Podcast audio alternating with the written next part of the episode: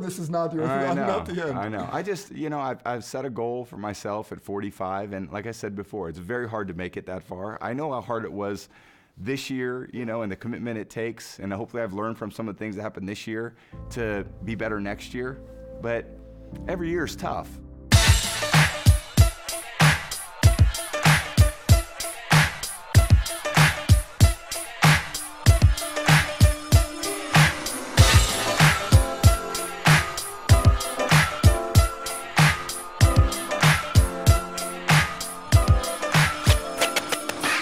Mic check, mic check, one two one two. Selamat datang di Patriotisme segmen khusus dari Zero Knowledge Podcast persembahan dari NFL Fans Indonesia di mana mereka mengizinkan gua untuk memuji-muji, memuja-muja Tom Brady dan juga Bill Belichick secara bebas.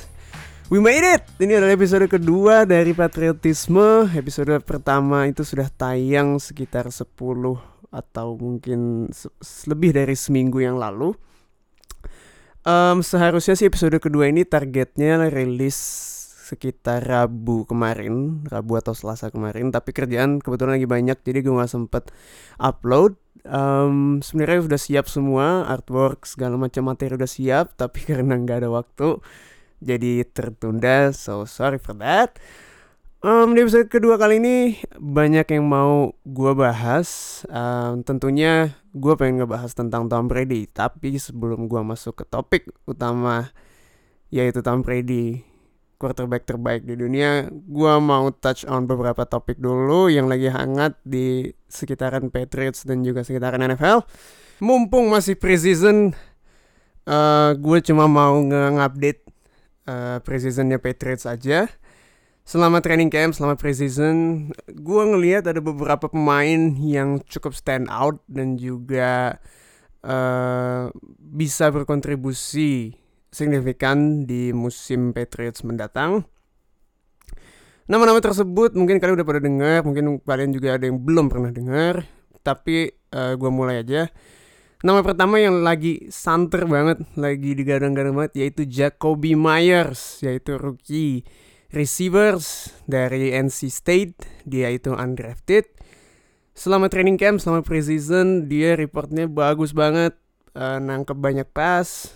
Udah bangun rapport yang bagus dengan quarterback di Patriots. Selama reps yang terjadi di training camp itu statistiknya juga bagus. Eh, skill utama yang menonjol dari Jacoby Myers ini adalah route running yang bisa dilakukan dia bisa melakukan separasi yang cukup bagus terhadap cornerback Em, tapi kalau kita ngelihat performa receivers di Patriots secara historis biasanya emang tiap tahun ini ada nih kayak gini. Eh, di episode sebelumnya gue juga udah touch kalau rookie rookie receivers banyak yang naik menjelang training camp tapi pas masuk week 1, week 2 justru nggak ada kesempatan karena veteran-veterannya udah balik. Apalagi sekarang udah ada Julian Edelman, ada Josh Gordon.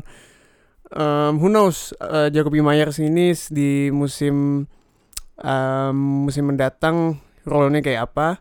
Apalagi ada rookie yang notabene first round pick juga, yaitu Nikhil Harry. Jadi ini remains to be seen apa yang bakal eh, dibawa sama Jacoby Myers. Tapi satu hal yang menguntungkan buat sebuah tim eh, apabila lo punya undrafted rookie yang berform, berperforma bagus di training camp adalah lo bakal punya depth yang bagus dan kalaupun nggak kepake bisa lo trade di kemudian hari gitu. Itu satu nama Jacoby Myers. Kemudian ada nama Chase Winovich.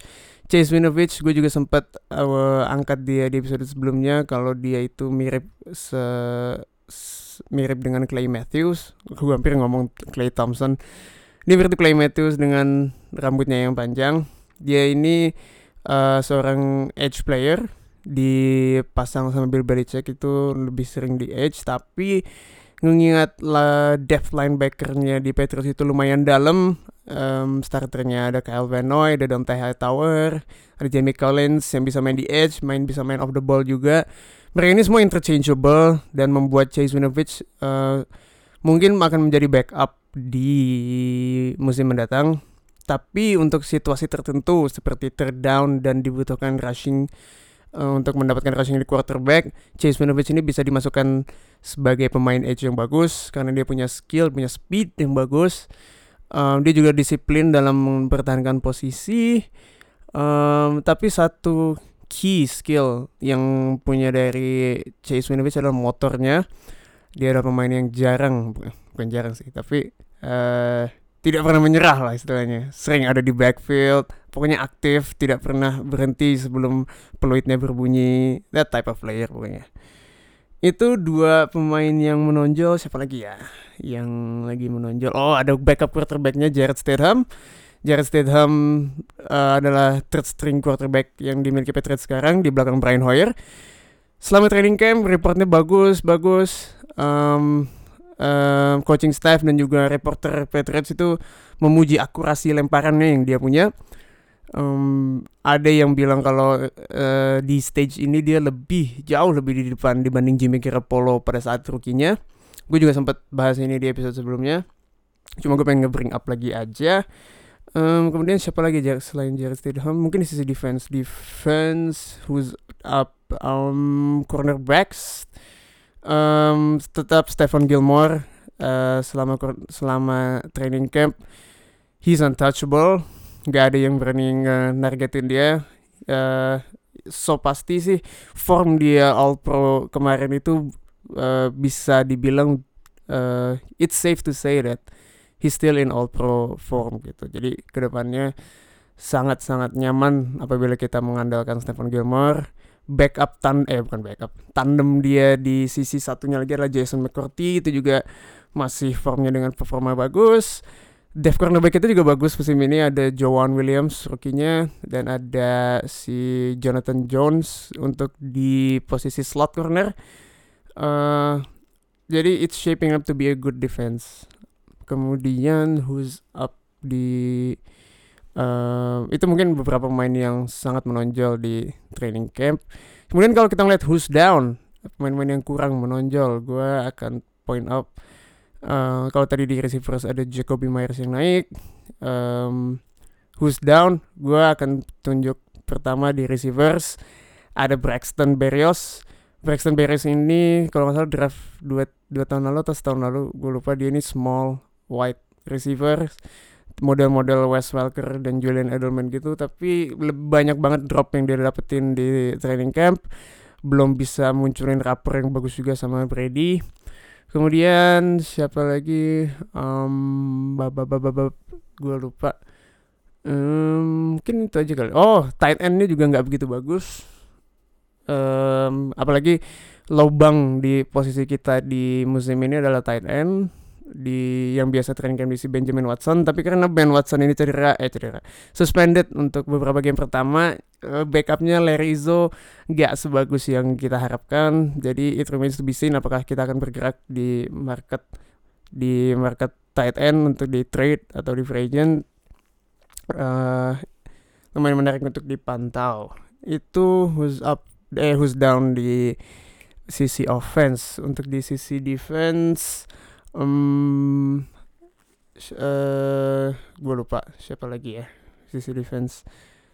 Ya pokoknya ada beberapa nama gue lupa. Cuma intinya gue cuma pengen nge-point out si Jacoby Myers itu aja sih. Itu seperti sensasi yang sedang ada di training camp Patriots. Uh, jadi harus perlu patut dipantau itu namanya. Uh, kemudian di preseason week ke week kedua itu lawan kita lawan siapa sih Detroit Lions kalau salah. Um, Lions apa Panthers sih lupa gue Detroit Lions. Dan pokoknya uh, buat kalian yang baru mengikuti NFL atau baru mengikuti Patriots um, kita nih untuk di masa preseason ini perlu sebuah konteks untuk melihat apa preseason games tersebut gitu preseason games ini sebenarnya nggak lo nggak perlu ngambil nggak bisa ngambil banyak simpulan dari preseason games yang ada empat pertandingan itu gitu. Preseason games ini intinya cuma ngasih reps ke pemain-pemain NFL uh, eh, supaya mereka bisa lebih uh, istilahnya istilahnya lebih tajam nanti pas main di regular season. Um, secara game plan juga nggak banyak yang dikeluarin sama coaching staff Uh, jadi most of the stuff you see in the preseason tuh cuma vanilla stuff gitu loh, cuma simple game plan game plan simple, playbook playbook simple, playbook playbook andalan itu nggak dikeluarin selama preseason. Mereka tuh nggak bego, nggak ngeluarin semua senjata dari preseason karena scouting lawan itu sangat ampuh kalau di NFL. Jadi setiap kali lo ngeluarin satu play itu akan di scouting habis-habisan dan akan dicari counternya. Jadi di preseason tuh lo sebenarnya cuma ngeliat apa ya? Uh, mungkin ajang cuma buat ngeliat rookies di uh, bagaimana dia adjust di lapangan NFL kemudian lu cuma bisa ngeliat backup backup apakah mereka ini bisa uh, compete untuk starting job. Itu juga perlu di contextualize juga ya karena kebanyakan lo ngeliat satu pemain performa di preseason wah ini uh, catch banyak banget yard sebanyak atau ngeran run yard sebanyak tapi kan mostly lawan backup. Jadi lu nggak bisa ngambil kesimpulan itu secara uh, secara langsung. Lu harus meng, meng apa istilahnya menganalisis kembali. Dia tuh maininnya lawan siapa starternya siapa aja teammates dia apakah starter atau backup lawannya dia apakah starter atau backup. Jadi intinya kalau sebagai fans sih preseason ini cuma sebagai apa ya cuma pemanis saja lah gue sih sebenarnya uh, untuk selama ini sudah mengikuti NFL gue udah males sebenarnya ngikutin preseason. Gue tuh lebih seneng lihat report dari training camp yang dikeluarin reporter-reporter dibandingkan nonton preseason game. Karena kualitas football di preseason itu juga nggak bagus gitu. Banyak uh, conditioningnya nggak masih banyak yang bagus starternya jarang ada yang main yang main backup backup rookies rookies itu juga sering drop pass sering intercept isinya punt punt punt terus low scoring biasanya. Jadi gue nggak begitu suka nonton preseason games gitu. Tapi itu penting untuk mengevaluasi. Biasanya rookies kalau buat gue gitu. Kemudian um, tadi gue nggak bring up se preseason betapa tidak pentingnya preseason itu. Gue menemukan artikel menarik di The Ringer yang ditulis uh, mungkin Kevin Clark atau siapa gue lupa. Tapi kalau uh, yang menunjukkan kalau sebenarnya saking eh, nggak uh, pentingnya preseason ini Sean McVay yaitu head coach dari Los Angeles Rams itu menemukan strategi untuk tidak memainkan starternya sama sekali di sepanjang preseason. Ini sudah dilakukan di musim lalu dan ini sudah diikuti oleh beberapa beberapa tim yang menemukan kalau oh iya benar juga ya sebenarnya starter kita tuh nggak perlu banyak main di preseason. Preseason ini cuma ajang untuk uh, ajang NFL nyari duit aja gitu cuma uh, menambah-nambah kesempatan bintang untuk dicederain gitu. Jadi uh, lebih signifikan berpengaruh signifikan kalau mencadangkan starter lo, keep them healthy, keep them fresh untuk buat regular season karena games doesn't matter gitu di preseason. Lebih udah matter tuh pas lo udah regular season udah dihitung menang kalahnya gitu. Jadi uh, but it, it's an interesting strategy by Sean McVay gitu. Uh, mengingat dia emang sebuah seorang yang uh, forward thinker gitu. Sebelumnya mungkin jarang ada ada uh, head coach yang agresif itu sebenarnya polanya tuh biasa preseason tuh kayak gini week one preseason tuh biasanya starter nggak main. Starter nggak main sekalinya main tuh paling satu drive offense atau defense doang gitu. Quarterback apalagi quarterback itu biasanya satu drive awal doang. Kemudian di week two tuh repsnya lumayan banyak biasanya satu quarter mainnya um, satu quarter atau satu lebih. Kemudian nah week three week three ini udah mulai banyak biasanya yang main. Starter itu main quarterback biasanya main sampai quarter ketiga tengah itu zaman dulu ya nggak tahu gue zaman sekarang tuh masih kayak gitu tuh nah begitu di week keempat preseason itu udah yang main udah backup ketiga keempat. Pokoknya ajang untuk uh, pemain yang ada di ujung batas roster itu untuk menunjukkan diri apakah mereka masih bisa di keep atau enggak cuma kesimpulannya sih biasanya kalau lo ngelihat dia ada pemain yang main di preseason week 4 berarti dia masih fighting for his spot spotnya belum aman di rosternya. Kayak gitu Um, itu tadi preseason dan sebuah artikel menarik dari The Ringer. Kemudian mumpung kita masih di tema preseason, sebenarnya ada yang menarik di kalau lagi preseason di NFL, yaitu ada serial TV berjudul Hard Knocks. Hard Knocks ini ditayangkan oleh HBO Amerika. Hard Knocks ini sebenarnya konsepnya itu seperti dokumenter yang mengikuti satu tim di saat mereka training camp. Nah, musim ini itu yang diikutin adalah tim Oakland Raiders dari AFC West. Nah, uh, ini gue sebagai uh, fans NFL, gue sangat-sangat merekomendasikan kalian nonton Hard Knocks ini karena ini hard, program ini tuh membuka pintu untuk kalian melihat keseharian pemain NFL di training camp tuh seperti apa gitu. Jadi diliatin dari pas dia meeting, diliatin pas dia latihan, diliatin pas justru ke ada kehidupan-kehidupan mereka di keluarganya kayak gimana. Gue suka mereka biasanya tuh meng, membuat karakter-karakter tertentu gitu di di serial ini. Contohnya di Oakland Raiders ini kita punya Antonio Brown yang uh, sudah dilabeli sebagai uh, diva receiver dan gimana dia um, banyak drama off the fieldnya. Tapi kalau lihat di itu dikasih lihat juga sama Hard Knocks kalau uh, meskipun dengan banyak baggage si Antonio Brown he still one of the best wide receivers in the league. Dan lu bisa lihat work ethic dia selama practice tuh kayak gimana begini di practice. Dan emang kelihatan nih orang tuh emang uh, begitu dia practice tuh dia nge-elevate semua pemain-pemain yang ada lagi latihan gitu. Jadi uh, itu lo jadi kayak dibukakan wawasan lo lah atas pemain NFL dan it's really really cool lo ngeliat bagaimana sebuah NFL, tim NFL tuh beroperasi. Lo bisa ngeliat logistiknya lo bisa ngeliat banyak pemain yang ada masuk hotel sekamar sama hotel. Terus biasanya juga ada pemain-pemain rookie yang tuh biasanya di ospek dulu mereka suruh nyanyi suruh apa dan biasanya nggak banyak nggak sedikit drama juga banyak juga dramanya kayak banyak yang berantem banyak yang uh, selek sama coach. Uh, pokoknya menarik banget buat dilihat karena apalagi ini real bukan scripted gitu. Jadi gue sih sangat merekomendasikan kalian untuk nonton Hard Knocks. Uh, kalau kalian belum tahu nonton di mana Hard Knocks bisa ditonton di NFL Game Pass kalau nggak salah. Kalau kalian kalau kalian punya subscribe uh, subscription di NFL Game Pass bisa lihat di situ gue sih nonton di situ Um, tapi kalau kalian nggak punya subscription di NFL Game Pass, um, gue nggak tahu. Mungkin kalian bisa cari link download di situs-situs yang uh, yang mungkin kurang legal. Uh, itu tadi Hard Knocks. Um, oh ya mungkin buat kalian yang belum tahu, itu kan sebuah konsep yang menarik ya. Satu tim itu diikutin satu kru film dari NFL untuk didokumentasi seperti apa training campnya tapi mungkin kalian juga mikir loh ini kan bisa jadi distraksi buat timnya gitu loh. Orang lagi pengen latihan tapi lo banyak kru TV banyak kamera banyak boom mic gitu. Nah tapi um, gak semua tim bisa uh, eligible untuk dijadikan hard knocks gitu. Hard knocks itu aturannya adalah hari yang pertama tim yang di, di, dipilih sebagai hard knocks itu nggak boleh masuk playoffs tahun sebelumnya. Ke, jadi untuk kalau kalian nggak mau kedatang eh, tim-tim yang nggak mau kedatangan tim hard knocks ya kalian harus kompetitif, harus bagus masuk playoff. Nah musim lalu tuh Oakland Raiders kebetulan nggak masuk playoffs dan masuk salah satu tim yang nominasi masuk Hard Knocks gitu. Dan mereka tuh juga memilih uh, uh, tim tuh lebih juga melihat personality apa aja sih yang ada di tim yang akan diliput gitu. Nah di case Oakland Raiders kan personalitinya banyak. Ada Antonio Brown receiversnya, kemudian ada Derek Carr quarterbacknya, Terus ada John Gruden, head coachnya lu kalau lihat nonton Hard Knocks ini bakal ngeliat banyak uh, banyak apa sih sisi-sisi John Gruden yang lo bisa ambil gitu. sebelumnya kan lo pasti ngeliat John Gruden kan paling di ESPN sebagai komentator. Dia juga ngasih insight-insight di cuma lu nggak belum ngelihat dia aslinya sebagai apa gitu kalau di tim.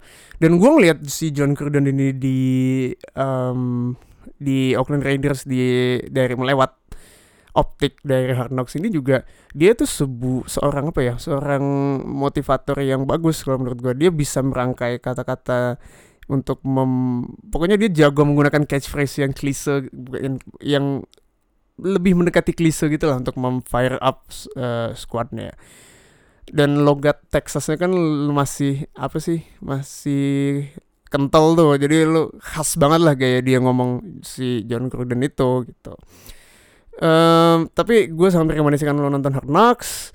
Um, satu season tuh biasanya ada lima episode dari sebelum training camp sampai training camp itu habis. Jadi sekarang sih ada keluar tiga episode kalau Nah, kan sekarang lagi rame nih si Antonio Brown itu apa?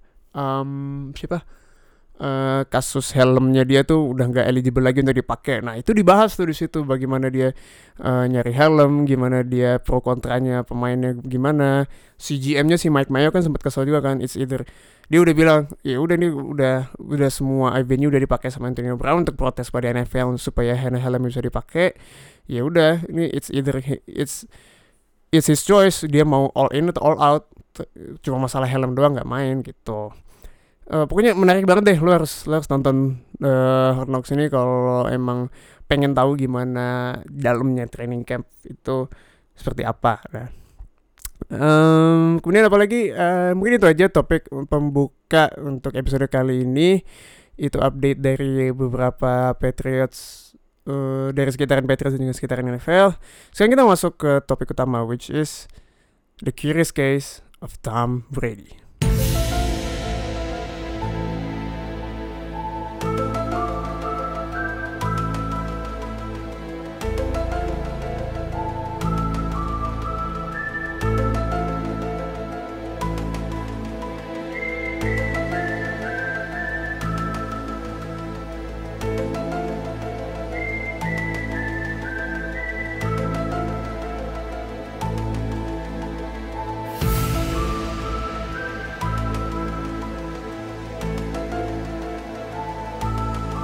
Kalau lo ngedenger nama Thomas Edward Patrick Brady, apa yang ada di pikiran kalian? Kalian pasti langsung pikir quarterback pa terbaik di dunia. Uh, enam cincin. Suami dari supermodel Giselle Bundchen. Di draft di round ke-6, overall pick 199. Sistem quarterback cuma bisa ngelempar ke running back. Ketolong Randy Moss ketolong Bill Belichick. Apa yang ada di pikiran kalian untuk kalau kalian dengar nama Tom Brady? Buat gua gua melihat Tom Brady ini sebuah prototipikal quarterback tradisional yang dimaksimalkan secara atribut secara intangibles dan juga secara skematik jadi istilahnya um, secara physical attributes dia bisa punya punya mekanik yang bagus, punya size yang bagus uh, dan juga um, durability-nya juga bagus. Jarang dia miss games. Dan di sisi non teknis dia punya leadership yang bagus, punya competitiveness yang sangat bagus. His will to win itu second to none. Bisa di sama Michael Jordan kalau menurut gua uh, itu yang membuat dia salah satu bukan salah satu the best quarterback uh, of all time. Kemudian uh, gue juga mau nambahin clutchnya juga. Skill clutch ini nggak bisa dipunyain sama quarterback lain. Mungkin bukan skill ya hitungannya ya. Clutch itu bukan skill sih kalau menurut gue. Skill uh, clutch itu lebih ke emang it's in your DNA gitu. Lu udah you are born with it with the clutch clutch gene lu nggak bisa semata-mata melatih kelas. Well maybe you can tapi mungkin mungkin nggak bisa seefektif kalau emang lu your natural born clutcher gitu loh istilahnya. Kalau mendengar nama Tom Brady apa yang ada di pikiran kalian? Kan kalau kalian ngikutin NFL pasti nama yang pertama kalian dengar yaitu Tom Brady. Mostly most likely ya Oh, mungkin kalian pernah dengar Peyton Manning, mungkin kalian pernah dengar, uh, mungkin fans-fans baru uh, dari Seattle Seahawks atau dari Denver Broncos itu yang kalian dengar. Tapi um, dan nah untuk fans-fans baru nih terutama, kalian kan pasti uh, walaupun bukan fans Patriots tapi kalian pasti mendengar kalau ada seorang quarterback jauh di timur sana di negara bagian uh, New New England atau Massachusetts negara bagian Massachusetts yaitu bernama Tom Brady. Dan kalian pasti mikir nih Tom Brady ini uh, sehebat apa sih? Sejago apa sih? Sampai di legenda-legendakan dilulukan. Kita semua tahu six ringsnya kita semua tahu uh, istrinya kita semua tahu coachnya dia. Tapi uh, menurut gua salah satu faktor yang perlu dielu-elukan di pihak Tom Brady adalah longevity-nya. Tom Brady ini masuk ke liga di NFL pada tahun 2001. Uh, eh, dia di pick ke round ke-6 di NFL Draft oleh New England Patriots di overall pick 199.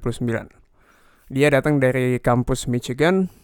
Um, coming out of college, uh, stocksnya dia nggak begitu bagus tapi gue inget kalau nggak salah pas di dokumenter The Brady Six ya which is dokumenter yang menjelaskan 6 quarterback yang dipilih di depan Tom Brady pada tahun, pada tahun 2001 itu it's a good watch you should check that out di dokumenter tersebut dia dibilang uh, kalau Bill Belichick tuh sebenarnya udah mau scout Tom Brady ini di zaman Michigan gitu. Nah, tapi dia nggak terlalu mengindahkan posisi Brady karena menurut dia uh, waktu itu dia lagi nggak butuh quarterback karena New England tuh lagi punya franchise quarterback namanya Drew Bledsoe. Tapi gue lupa ya, ini dia si Brady ini dat oh Brady datang pas sudah di Belichick ya, gue inget. Um, jadi karena udah punya Drew Bledsoe dia nggak terlalu nyari quarterback, jadi nggak terlalu diperhatikan. Nah, nah ketika masuk di ronde ke-6 dan bagiannya si Patriots sudah mulai milih, dia ngelihat oh Tom Brady nih masih ada. His name is still on the board, belum ada yang ngambil. Nah pada saat itu kalau nggak salah selain Drew Bledsoe quarterback Patriots ada tiga. Jadi kalau dia memilih Brady bakal ada empat quarterback yang bakal masuk training camp di musim depannya. Akhirnya dipilih Tom Brady. Kalau lihat lo pas ini sering sering bersirkulasi juga foto pas saat Tom Brady di draft. Tom Brady itu gak sang, sangat tidak atletis ya bisa dibilang. 40 year dash dia juga nggak sangat lambat uh, sekitaran 5 detik um, jadi sebenarnya kalau uh, lo sebagai scout melihat Tom Brady di college sebenarnya lo nggak bisa melihat langsung Eh, nggak uh, kelihatan lah ini nih orang ini calon gue terbaik terbaik di sepanjang masa. Itu nggak kelihatan. Lo cuma bisa melihat um, bagaimana dia quarterbacknya punya size dan bisa melihat defense yang bagus serta um, bisa dibilang uh, leadership willingness to win bagus. Karena kalau nggak salah dia pas saat di Michigan itu di final game dia melakukan comeback win. Gue lupa lawan siapa. Di bowl apa gue juga lupa. Uh, bisa dicari di Wikipedia. Um, jadi itulah uh, jadi quality yang bisa disombongkan dari Brady pada saat itu ya. Pada saat mas sebelum masuk itu cuma intangibles gitu. Jadi kalau dibandingin quarterback lain yang di draft pada saat itu sebenarnya masih emang kalah gitu. Tapi um, uh, walaupun sudah ditunjukkan itu uh, akhirnya dipilih Tom, uh, Tom Brady menjadi quarterback di New England Patriots. Nah pada masuk di pertama kali masuk ke um, Patriots dia itu masih fourth string cadangan keempat. Jadi cadangannya cadangan cadangan cadangan. Tiga quarterback tuh harus dila dia lompatin kalau dia mau jadi main di NFL gitu kemudian dia masuk training camp. Ah ini tipikal Brady juga.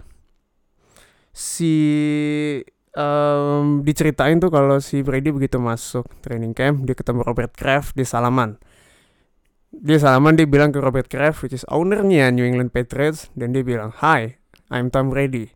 Hey Brady nice to meet you kata Robert Kraft gitu. Terus langsung Brady bilang Mr. Kraft I'm the best decision that your organization has ever made dia langsung bilang gitu untuk seorang quarterback yang dipilih ke ronde ke-6 dan overall pick 199 which is amazing kalau lo ngeliat uh, betapa confidence-nya dia um, dalam menjalani uh, karirnya gitu. Dan itu sebuah tema yang akan berlanjut ke depan beberapa puluh musim ke depan ya. Satu itu yang gue sangat kagumin dari Tom Brady adalah competitiveness-nya itu loh. Dari di awal masuk sampai di sekarang nih, sampai dia masih udah pegang 6 cicin tuh kompetitifnya masih sama nyet. Dia masih pengen menang, masih pengen even dia nih udah quarterback terbaik di sepanjang masa setiap training camp itu dia setiap preseason tuh masih menganggap repsnya dia ini sangat rep sangat sangat yang penting jadi setiap latihannya adalah latihan terpenting gue kalau gue nggak bagus ini gue bakal dikat sampai terus. Dia tuh masih mikir kayak gitu.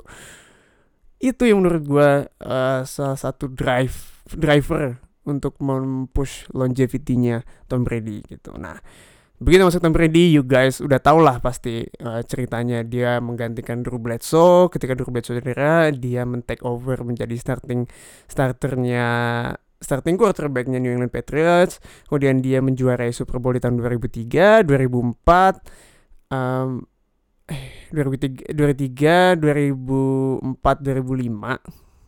Eh 2005 2006 eh sorry 2003 2004 2005 pokoknya tiga kali lah juara Kemudian 2007 menjadi quarterback paling dominan di liganya pada saat itu dengan mencetak 50 touchdown berpartner dengan Randy Moss dan mencetak 16-0 regular season record tidak pernah kalah tetapi harus kalah di New York Giants di Super Bowl 42 kemudian di tahun 2008 dia cedera ACL mimis satu season. Di tahun 2009 dia uh, masuk playoffs tapi kalah oleh Baltimore Ravens di wild card kemudian di 2010 dia masuk uh, ini mencetak season yang paling efisien. Dia mencetak 36 touchdown dan hanya 4 interception. Musim favorit gue Tom Brady adalah musim 2010 ini. Dia langsung masuk tapi harus kalah di divisional round oleh New York Jets oleh Mark Sanchez. Kemudian 2011 um, dia kembali masuk Super Bowl nggak ya? Um, um, lupa gue 2011 2012 ya yang dia lawan New York Giants lagi tapi harus kalah 2013 nggak masuk Super Bowl karena Denver Broncos kalah kalah dari Denver Broncos. Dan 2014 itu dia masuk Super Bowl mengalahkan Seattle Seahawks dan Legion of Boom. Kemudian 2015 um, dia juga 2015 eh 2015 ke mana dia lupa gue pokoknya next yang gue inget langsung si dia masuk Super Bowl lawan Atlanta Falcons 2016 itu. Terus 2017 lawan Eagles kalah kemudian 2018 which is tahun lalu dia menang lagi Super Bowl yang keenam kalinya melawan Los Angeles Rams. Sebagai konteks um, Tom Brady itu masuk ke Liga NFL uh, pada tahun 2001 itu um, umurnya kalau nggak salah 20 apa ya? Um, 23 apa 22 pokoknya masih muda lah dia um, dia masuk Liga NFL sekitar 20-an dan sekarang dia itu umurnya 42 memasuki tahun 2000 2019 ini. Which is uh, astounding seorang pemain bisa bermain secara high level. Oh sorry, umur 23 dia masuk, kemudian sekarang uh, memasuki 42 tahun. Jadi berapa tuh? Hampir 20 udah 20 tahun. Ini musim ke-20-nya Tom Brady di Liga NFL. Dan kalau pikir-pikir di sebuah liga yang mengutamakan kontak, yang isinya tabrak-tabrakan, jatuh-jatuhan, ada seorang pemain yang bisa ber, masih bisa mengeksekusi permainan dengan level tinggi di tingkat tertinggi secara efektif 20 tahun itu unheard of. Gak ada yang bisa memaintain efektivitas dan efisiensi sehebat ini selain Thomas Edward Brady. Itu buat gue mikir. Dan mungkin kalian itu bikin kalian mikir juga. What the fuck happened with Tom Brady gitu? Apa yang terjadi sampai dia bisa memaintain uh, efektivitas ini gitu? Ini nggak mungkin seorang human being, seorang atlet yang membutuhkan atletisisme masih bisa excel di umur 42 42 even gue yang umur 27 aja bangun pagi tuh kadang punggung masih pegel-pegel punggung masih sakit. Itu gue jarang olahraga. Banyak pemain even Brad Favre, Peyton Manning uh, dia Peyton Manning tuh pensiun umur 39 dan itu juga udah di musim terakhir dia udah jelek banget mainnya. Brad Favre juga udah rambutnya udah putih juga mainnya udah jelek uh, terakhir kalau nggak salah pemain yang quarterback bisa melewati umur 40 itu Warren Moon. Warren Moon di Houston Oilers kalau nggak salah gue lupa. Tapi itu statusnya gue udah jelek gak sama sekali jauh dengan um, kondisi Brady sekarang.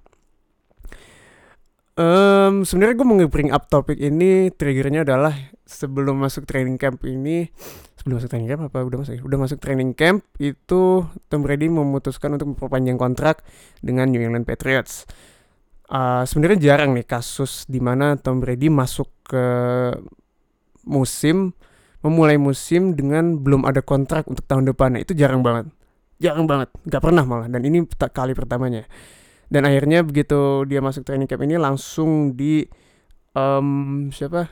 Langsung di extend oleh oleh uh, front office-nya Patriots. Tapi di extendnya ini dibuat sedemikian rupa tidak punya uh, tetap tidak digaranti apakah dia bisa uh, mendapat uang melebihi musim ini gitu. Uh, kalau nggak salah annual value-nya ada di 24 24 juta atau 27 juta. Pokoknya sekitaran situ. Cuma yang pasti dia bukan bukanlah highest paid quarterback jauh kalau dibandingkan dengan Kirk Cousins, dibandingkan Jimmy Garoppolo, dibandingkan Russell Wilson itu masih uh, masih jauh um, kalau gue lihat di sini sih 2 tahun 41 million kontrak. Hmm, jadi sekitar 20 jutaan per tahun. Kalau ngeliat Tom Brady perlu dikasih konteks sedikit. Uh, kalau sorry kalau ngeliat kontraknya Tom Brady ini perlu dikasih konteks sedikit. Kalau um, ini susahnya gimana ya? Uh, lu mau pengen ngebayar Tom Brady, which is the best quarterback of all time. Tapi at the same time lu pengen ngasih security buat tim tim lo sendiri. Uh, in case dia goes down, in case dia nggak bisa perform, karena ini begitu masuk umur 42 ini udah uncharted territory. Ini udah nggak ada yang bisa uh, memprediksi apa yang akan terjadi ini, karena counterpartnya nggak ada secara historis nih nggak ada yang bisa kita compare performanya di umur 42 ke atas. Ini nggak ada. Uh, even gue bilang tadi Peyton mainin 39 udah jelek. Brad Favre juga masuk keluar masuk pensiunan juga ya nggak nggak bisa diandalan sama sekali untuk sebagai komparasi. Um, Warren Moon Warren Moon juga udah jelek banget passingnya. Tapi makanya ini uh, extension kontrak dia uh, kalau gue lihat secara keseluruhan extension yang hati-hati dari kedua belah pihak gitu hati hati-hati dari pihak si Patriots, hati-hati dari pihak Tom Brady. Ini yang menurut gue suatu quality yang Tom Brady yang punya adalah dia tetap tidak mau men-sacrifice timnya. Jadi dia nggak mau berapa banyak salary cap itu dibuang ke dia gitu. Dan dia memberikan argumen yang bagus juga pada saat extension itu diberikan. Dia bilang, loh kok kenapa lo nggak minta lebih, duit lebih banyak coy? Kan uh, lo tuh best QB of all time, lo kenapa gak minta duit banyak? Dia bilang, gua nggak mau memposisikan diri gua earning too much money, earning too much cap charge, sampai gua harus membebani tim gua dan akhirnya performa gua tidak menyesuaikan dengan apa yang gua terima dan mereka harus ngekat gua. Jadi mentalitas surviving dia tuh masih sama ketika saat dia rookie gitu. Dia takut banget gajinya kegedean sampai harus dan itu akan beresiko Bill Belichick ngeliat nih orang gaji gede banget tapi mainnya cups akhirnya gue harus cut dia tuh sama sekali menghindarkan resiko itu gitu itulah mengapa extension ini perlu dilihat dari dua belah pihak dari pihak Patriots dari pihak Tom Brady gitu. Dan ini menurut gue extension yang emang cuma bisa dilakukan oleh dua tim dua pihak ini gitu.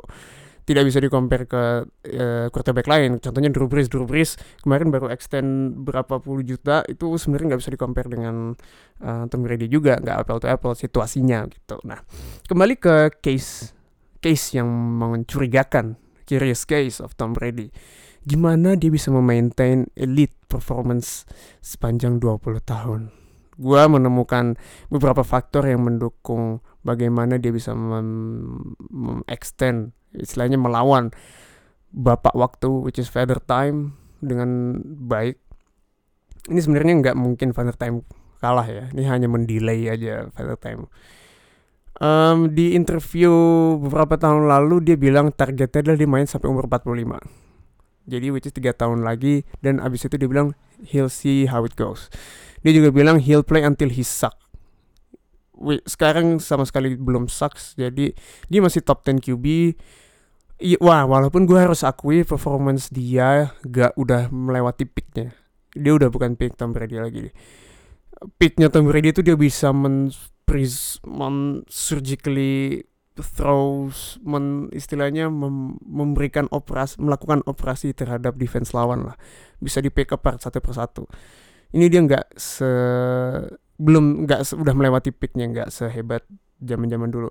Walaupun perlu gue point out dia menang MVP di umur 40 MVP of the league pada saat dia dia membawa presiden membawa timnya ke Super Bowl yeah, it says something about his performance di umur 40 plus. Balik lagi ke case di mana dia bisa extend longevity dia selama 20 tahun. Faktor pertama um, kalau menurut gua tetap adalah desire yang kuat untuk compete. Gua sempat mention competitivenessnya dia yang menurut gua bisa di compare dengan uh, Michael Jordan di uh, at this stage of his career karena gini, kalau selalu seorang atlet di umur 40, gue waktu itu pernah nonton di Open Court uh, sebuah channel program dari NBA TV yang mendatangkan Hall of Famers, Hall of Famers, pemain-pemain yang legend untuk untuk kumpul dan ngobrol-ngobrol. Nah, di situ ada tamunya Isaiah Thomas dari Detroit Pistons, main NBA. Dia bilang dia dikasih pertanyaan gini, um, Zik, dia kan panggilannya Zik. Zik, lo di momen mana lo tahu lo harus pensiun gitu. Dan dia jawab gini waktu itu gue lagi di rumah gue gue lagi berendam di jacuzzi gue lagi sipping wine gue lagi having a good time. Terus untuk pertama kalinya dalam hidup dia dia mikir gue nggak mau latihan gue gak, I don't wanna go to practice. Padahal hari itu ada jadwal practice dan itulah di momen di mana dia harus mikir oke okay, mungkin ini saatnya gue pensiun jadi membuat mindset kalau dia harus tetap bekerja, harus tetap datang latihan, harus tetap ngangkat beban, harus tetap datang ke meeting, harus tetap nge-breakdown defense, harus tetap nonton film lawan. Ini kan sebenarnya rutinitas yang repetitif tiap hari dan itu nggak mudah. Apalagi lo di NFL lo harus stay in shape, lo harus bener-bener uh, conditioning lo tuh harus elite lu nggak boleh main-main lu nggak cuma bisa ngangkat beban segala macam. Program lu tuh harus benar-benar program untuk dihajar habis-habisan. Gitu. Jadi dan untuk memaintain itu tiap hari lu istilahnya lu udah umur 41 lu mesti bangun pagi jam 5 buat ngangkat ngangkat barbel terus lu lari berapa 2 3 kilo. Kan lu males ya lu even umur 20 30 aja males kayak gitu.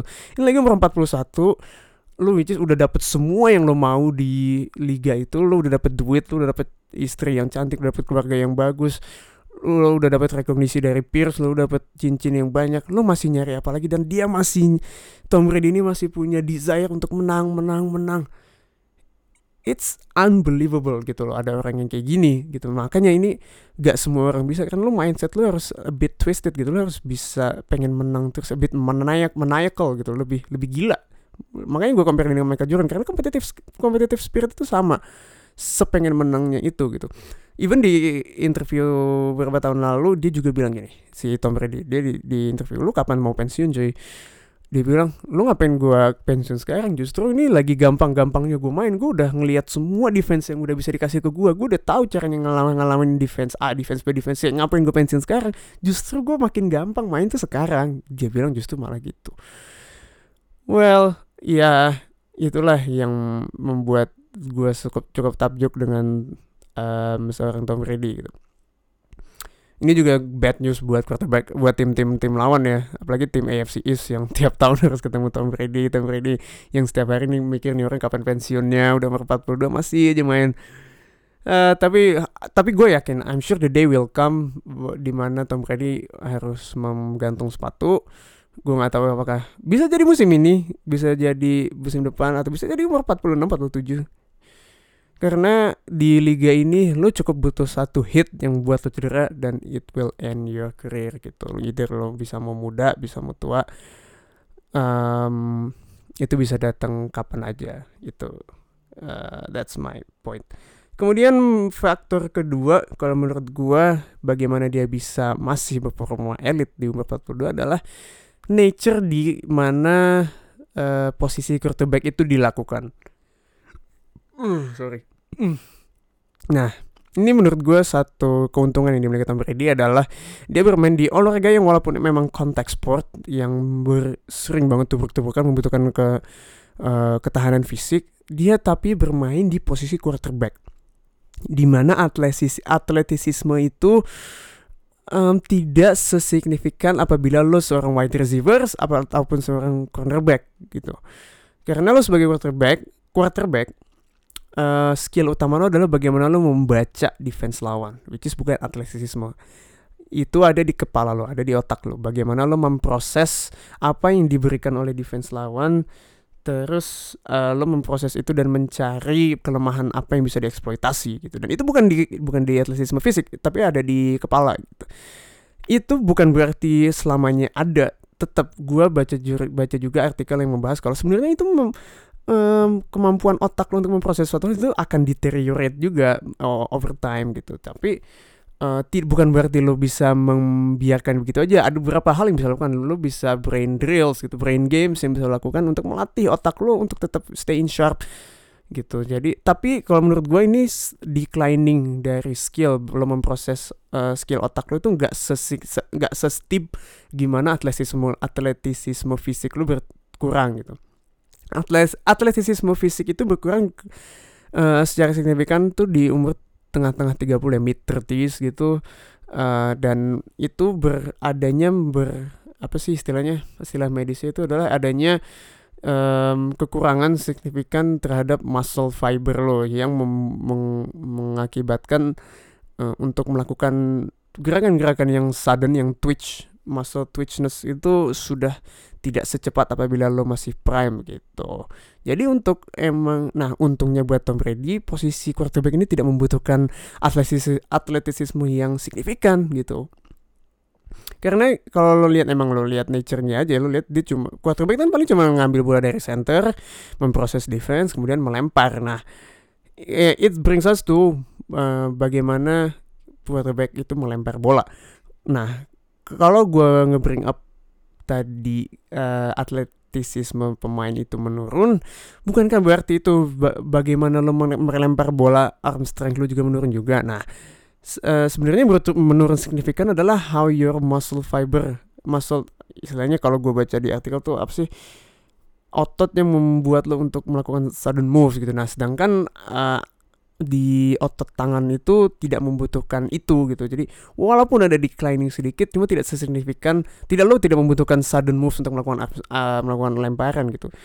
Tetap yang diutamakan adalah mechanics. Mechanics mechanics mechanics. Kalau lo seorang quarterback itu mekanik itu adalah hal yang sangat penting. Mekanik itu adalah bagaimana lo melakukan um, lemparan bola, bagaimana badan lo berkoordinasi satu sama lain untuk melakukan suatu gerakan maju ke eh mundur ke belakang, menarik kemudian melempar bola dengan gerakan seefisien mungkin. Nah, setiap tahun ini Tom Brady ini punya coach khusus, kalau nggak salah namanya Tom House which is quarterback guru disebutnya dia tuh tiap tahun selalu merefine mekanisme bagaimana dia mengefisienkan lagi mekanisme supaya tidak ada gerakan-gerakan yang wasted untuk melakukan pelemparan bola gitu. Nah ini balik lagi ke, competitive desire-nya dia. Sebenarnya Tom Brady ini sudah tahu untuk kompetitif di age 40 plus ini dia harus melakukan A, B, C, D. Hal-hal ini yang biasanya menurun pada saat gua aging. Nah ini dia sudah melakukan counter atas semua itu gitu. Kalau misalnya uh, orangnya biasanya udah umur 40 tahun udah malas-malesan, dia masih punya uh, agresif mindset dan itu masih dia latih. Kemudian apabila uh, atletisisme berkurang dan yang dia butuhkan untuk arm strength adalah mechanics, dia tetap tiap tahun tetap tetap dilatih, tetap dijaga mechanicsnya supaya tidak ada uh, wasted motions di setiap mechanics dia gitu. Um, itu tadi uh, faktor kedua bagaimana si Tom Brady bisa mem uh, elevate gamenya dia tetap untuk di ini sebenarnya gak apa ya uh, yang dilakukan Tom Brady ini bukannya dia masih peak level selama dia masih umur 23 ya? Walaupun dia bilang I feel I feel better now than I was at 25 26 gue nggak percaya itu. Um, itu mungkin hiperbola supaya dia bisa ngejual TB12 methodnya dia aja. Um, ini sebenarnya dia tetap declining ada decliningnya declining tapi gak sesignifikan itu gitu dia yang dia lakukan sebenarnya cuma mem meminimalisir decline yang di yang dialami oleh seorang manusia gitu kemudian faktor ketiga adalah faktor yang penting juga menurut gue adalah coaching dan juga scheme yang dipasang oleh New England Patriots. Sebuah luxury, sebuah kemewahan yang dimiliki oleh Tom Brady adalah dia dilatih oleh head coach terbaik sepanjang masa juga, which is Bill Belichick. Bill Belichick ini sangat tahu apa yang dia butuhkan untuk membentuk sebuah tim juara gitu. Nah, dia juga tahu dia punya quarterback yang udah tua dan dia melakukan investasi draft pick yang banyak untuk memprotek quarterback tersebut, yaitu di offensive line. Offensive line dia dia banyak memilih draft pick di situ, melatihnya. Untuk membuat offensive line ini grup yang salah satu grup terbaik di liga. Kalau kalian melihat statistiknya, uh, statistik offensive lineman New England Patriots itu musim lalu kalau nggak salah bisa bisa jadi top 5 jadi top 10 one of the best in the league lah. Either itu pass protection atau run atau run blocking. Ini menurut gue sebuah uh, apa ya sebuah langkah yang penting kalau lo sebagai head coach mau uh, di modern NFL lo harus bisa memprotek quarterback lo karena quarterback lo adalah aset terbaik aset terbesar yang lo punya di sebuah tim. Apalagi quarterback lo sudah sudah berumur seperti Tom Brady ini lebih dari 40 tahun. Nah, makanya si si siapa si um, Bill Belichick itu uh, sering berinvestasi di offensive line. Nah, tahun dua tahun lalu tahun lalu kan dia menginvest di Isaiah Wynn uh, seorang guard yang tapi musim lalu cedera. Cuma musim ini akan projected menjadi starting left tackle New England Patriots. Kemudian dua musim lalu dia trade untuk Trent eh musim lalu dua musim musim lalu dia mendapatkan Trent Brown dari 49ers untuk uh, melengkapi squad offensive lineman yang sudah diisi oleh David Andrews, diisi oleh Shaq Mason yang juga seorang draft pick, kemudian diisi siapa tuh left guardnya, aduh lupa gue. Ya pokoknya eh, intinya Bill Belichick itu sudah sering invest di offensive lineman-nya. Biasanya kan kalau lo bikin tim nih main Madden lah istilahnya bikin mad, bikin tim di Madden di PS lo main PS offensive line itu biasanya kan nggak lo gubris kan Allah ngapain gue dia pasang offensive line bagus-bagus. Yang gue mainin biasanya quarterback receiver running back doang kan. Tapi tidak bagi bagi New England Patriots dan juga Bill Belichick. Bill, Bill Belichick itu sadar nih offensive line itu emang salah satu key component buat sebuah tim untuk sukses gitu. Jadi apalagi untuk memprotek Tom Brady jadi ke ke depannya akan menjadi figur yang sentral offensive line itu. Offensive line ini juga penting kalau untuk kalau lo pengen punya versatilitas eh, di versatilitas taktik dalam satu tim kalau lo punya offensive line yang bagus lo otomatis akan punya pass protection yang bagus yang bisa nge-help passing game lo dan lo bisa punya run blocking yang bagus yang untuk membantu running game lo. Jadi punya offensive line yang bagus itu sangat enak ya. Uh, banyak manfaatnya untuk invest di offensive line. Kemudian uh, di segi play calling juga ada Josh McDaniels di sisi offense. Josh McDaniels ini adalah seorang kalau menurut gue seorang play caller yang kreatif yang mengerti bagaimana beroperasi di era NFL sekarang, dia mengerti bagaimana mengeksploitasi ruang, dia mengerti bagaimana tren-tren yang sudah berlaku di NFL sekarang dan mengaplikasikannya. Dia juga tidak takut untuk menjadi agresif. Ini membantu Tom Brady karena um, gimana ya? Banyak plays-plays yang di playbook Patriots itu yang sebenarnya Brady itu seperti sangat dilindungi, which is Uh, contohnya screen plays ke running back, screen plays ke uh, wide receivers.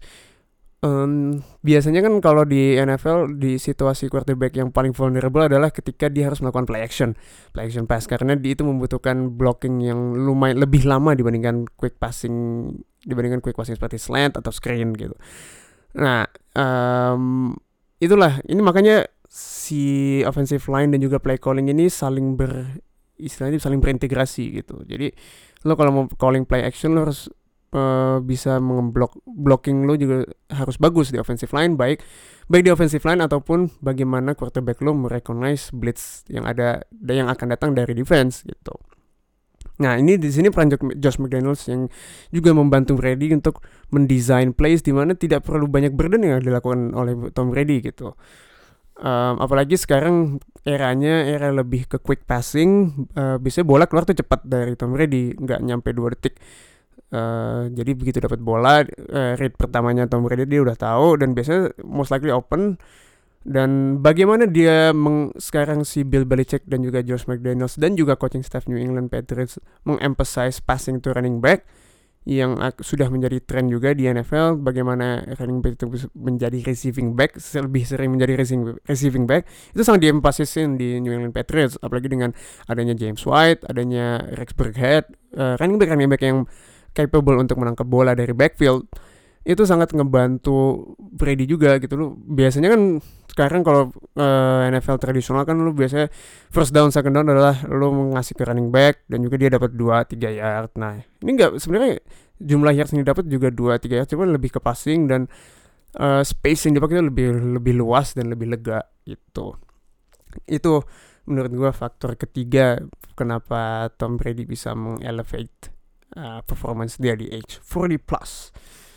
Kemudian faktor terakhir ini menurut gue tidak kalah penting adalah munculnya TB12 method.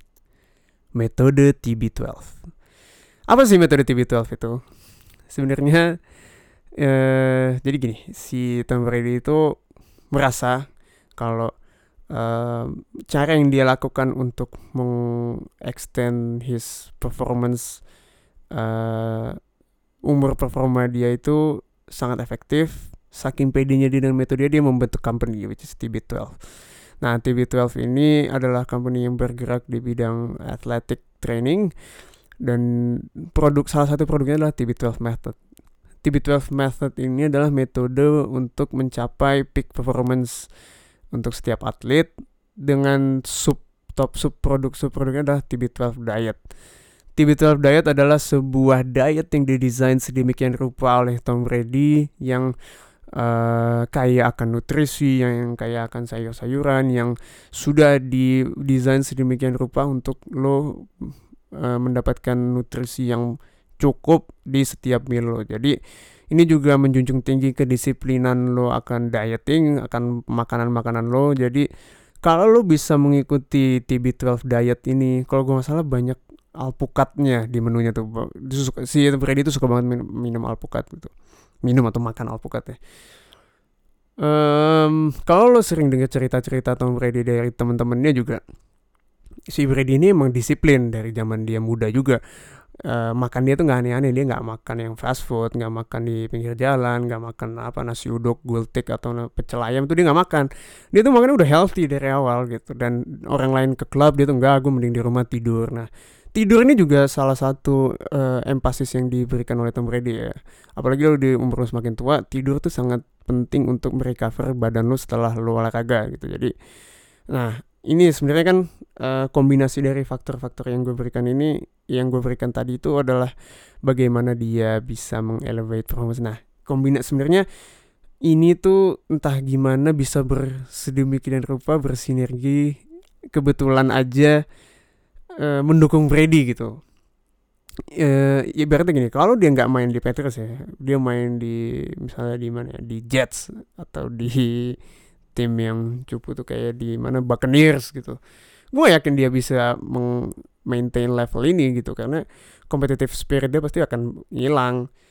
Ada di tim yang rebuilding kemudian coaching staff dia nggak sebagus Bill Belichick um, kemudian um, pokoknya banyak faktor yang somehow mendukung Tom Brady ini dan kalau mau bilang oke okay, gue mau mengaplikasikan metode yang dilakukan Tom Brady ini ke quarterback misalnya Drew Brees, Drew Brees umurnya udah hampir 40 atau udah 40 mungkin.